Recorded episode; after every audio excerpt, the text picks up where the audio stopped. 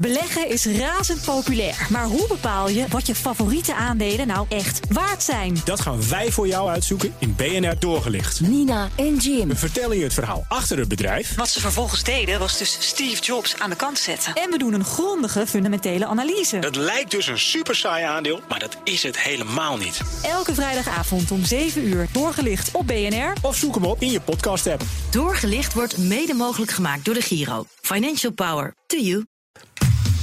Factgoeroes. En daartoe gaan wij naar Frank Leeman. Frank, goedemorgen. Ja, hi, goedemorgen. Met deze week een uitspraak van de lijsttrekker van de VVD voor de komende verkiezingen, Dylan Jezilgus, onze dimensionaire minister van Justitie, over een probleem met het asielbeleid. Ja, want uh, blijkbaar is asielbeleid door de VVD een campagne-speerpunt gemaakt. Want uh, Dylan he, de, was de afgelopen week meerdere keren in de media met standpunten over het asielbeleid. Ik heb haar ook meerdere dingen horen zeggen die best een factcheckje kunnen gebruiken. Maar ik heb er maar eentje uitgekozen van vorige week bij Goedemorgen Nederland van WNL. En daar zei ze dit. Je komt hier naartoe, je krijgt uh, asiel. Dan zeg je, ik heb een gezin en die mogen ook komen. Die komen. Vervolgens zit daar een volwassen dochter bij. Die zegt, maar ik, ik, ik heb een man en ik heb kinderen, die mogen ook komen. Die komen. Dan zegt die man, ik heb ouders voor wie ik zorgde... en daar, die wil ik ook hier bij me hebben, want anders hebben ze daar geen zorg meer. Ja, en dat is en dat nareis op nareis, wat ik bedoel. Ja, dat is een beetje rommelig aan het einde, hè, maar dan zegt ze dus inderdaad van, dus hij wil dan zijn, die man mm-hmm. echtgenoot wil ook zijn ouders laten nareizen. Ja. En zo gaat dat maar door. En vooral ja. het laatste zinnetje, alsof dat eindeloos door kan gaan, klinkt, ja, klinkt toch een beetje een soort quasi-exponentiële Polonaise optocht. En daarvan was ik benieuwd. Precies, een heel land dat loopt hier leeg omdat iedereen familie is van iedereen. Nou, nareizen op nareis zegt dus, uh, je zult dus is een probleem. Maar alleen, uh, even voor de helderheid in de regels, alleen leden van het kerngezin mogen nareizen. Ik dacht dat dat de afspraak was. Ja, en dat was dus ook eigenlijk de aanleiding van het antwoord. Want mm -hmm. die zegt dus eerst, he, iedereen reist na... en dan probeert de presentatrice, Maaike Timmerman... dat al te nuanceren door te zeggen dat alleen het kern, kerngezin mag afreizen. Maar Dylan zegt dan dus dat het niet klopt... en komt dan met dit voorbeeld om aan te geven ja, dat het ook uit de hand loopt... Uh, ja. En een nareisaanvraag wordt niet vergoed door de overheid. Dus het overgrote deel van de nareisaanvragen wordt begeleid door vluchtelingenwerk. En ik sprak daar met Tijn van der Linden. In eerste instantie vroeg ik, ja, is het mogelijk om nareis op nareis te doen voor iets wat niet kerngezin is? In theorie kan het en heel soms gebeurt het ook. Oké. Okay. Ja, dus het kan, en heel soms zegt denk ik al heel veel. Ja, maar daarnaast. En allereerst moet je... Precies, het, het gaat niet heel erg snel. Kijk, allereerst moet je asiel krijgen. Nou, daar gaat een asielprocedure van anderhalf jaar al snel overheen. Dan pas mag je gezinshereniging aanvragen. Nou, en dat kan ook al zo anderhalf, twee jaar duren. Dus je bent jaren verder voor je ook maar één gezinshereniging voor elkaar hebt. Um, en het is niet zo dat je dan, nou, als je dan als um, gezinslid naar Nederland komt, dat je dan meteen kan zeggen: Nou, ik wil ook nog gezinshereniging aanvragen. Nee, daarvoor moet je zelf eerst ook asiel krijgen. Dus dan moet je opnieuw die hele asielprocedure doorlopen. En daarna voor andere mensen dan weer opnieuw gezinshereniging aanvragen. En dat kost ook weer ontzettend veel tijd. Ja. Dat is, dat is, wat. Ja. Nareis. Ja. Nog wat. Ja, één, één nareis op nareis ben je ja, ongeveer zes jaar bezig. Dus voor een nareis op nareis op nareis, ja, je hebt het zomaar over een decennium of meer. Ja, nou, zes jaar verder in het, in het in één stapelingetje. Het voorbeeld van Jezus, ja, die zegt een dochter die getrouwd is. Uh, die kan die dan zomaar een man en kinderen laten nareizen? Nou, dat kan zo'n dus, gezien, ja? Dit, mm -hmm. ja, nou, het kan, maar zien we dit ja. ook gebeuren in de praktijk? Vroeg ik aan Floor Engelbertink, advocaat in asiel- en vluchtelingenrecht bij Robin Advocaten. En ze is daarnaast ook algemeen bestuurslid van de Vereniging Asieladvocaten in Nederland. Dat gebeurt wel eens. Dus inderdaad, een jong meerderjarige dochter die dan nareist en dan uh, man en kinderen heeft, dat gebeurt wel eens. Oké. Okay. Ja, het gebeurt wel eens. En dat, hè, dat ze dan toch getrouwd is, heeft ze inderdaad verzwegen. Dus die maakt dan toch eigenlijk een beetje misbruik van de situatie. Maar goed, het gebeurt. Uh, en om haar man over te laten komen, moet ze dus, we zeiden het net al, zelf als vluchteling worden gezien. Dus asielprocedure. En ze moet uit een land komen waar ze zelf ook gevaar loopt. Anders ja, ja. krijgen ze die status überhaupt niet eens. Mm -hmm. Dus voor een nareizende dochter van een politiek vluchteling uit uh, Irak of Somalië is dat niet zo vanzelfsprekend. En dan kan zo'n dochter helemaal geen hereniging aanvragen. Maar in het geval van een nareizende dochter uit Syrië... Ja, is de kans dus erg groot dat dat gaat lukken. Ja, precies. Maar oké, dat is dan gebeurd. Hè. Die nagereisde echtgenoot die komt mee van die jongminderjarige, jongminderjarige dochter.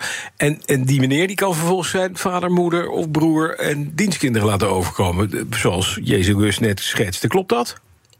Nou, dus allereerst even wanneer een volwassen familielid van een volwassen iemand over mag komen. Nareis voor iedereen buiten het kerngezin is heel erg lastig en de IND is daar heel erg streng in. Het kan niet zomaar zijn dat je een moeder hebt waar je elke week dan je medicijnen langs brengt en zegt zij moet ook komen. Het moet iemand zijn die inwonend is. Het moet iemand zijn die dag en nacht afhankelijk is van je zorg. Geen andere broers of zussen die voor die ouder kunnen zorgen. En de ervaring leert dat de IND dat grotendeels allemaal afwijst. Dat wordt echt heel weinig toegewezen.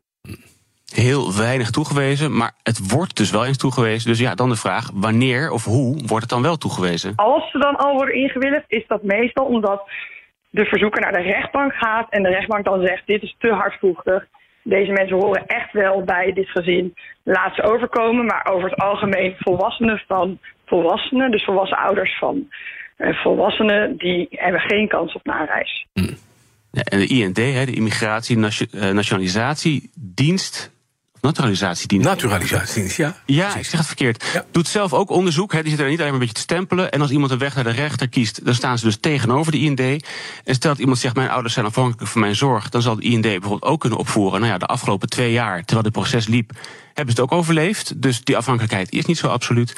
En daarnaast, als zo'n aanvraag voor een nareizende volwassen al wordt goedgekeurd, dan gaat de IND ook in beroep, vertelt Martijn van Vluchtelingenwerk. De IND gaat ook heel vaak in beroep tegen positieve uitspraken van de rechter hierover.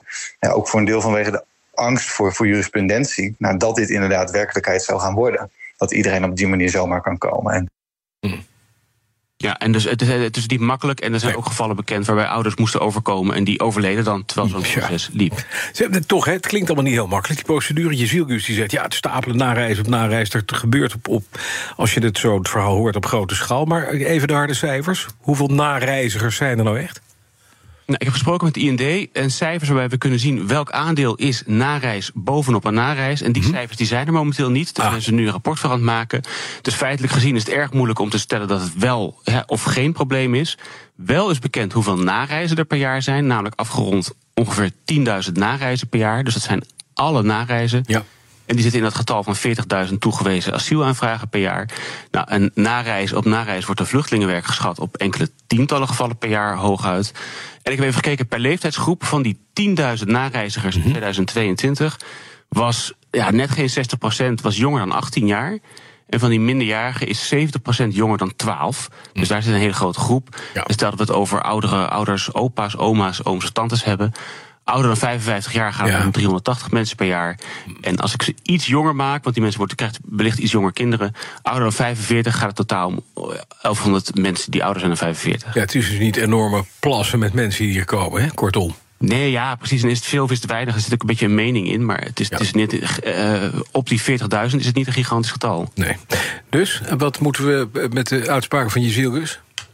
Nou ja, er zijn dus geen getallen voor die uitspraak. Hè. Iedereen reist maar na, na reis op na reis. Nou, uit de praktijkverhalen blijkt dat het erg moeilijk is, zelden voorkomt. Vluchtelingenwerk zei zelfs, hm. als we dat horen, dan kijken we daarvan op. Uh, buiten het kerngezin reizen, ja, gebeurt zelden.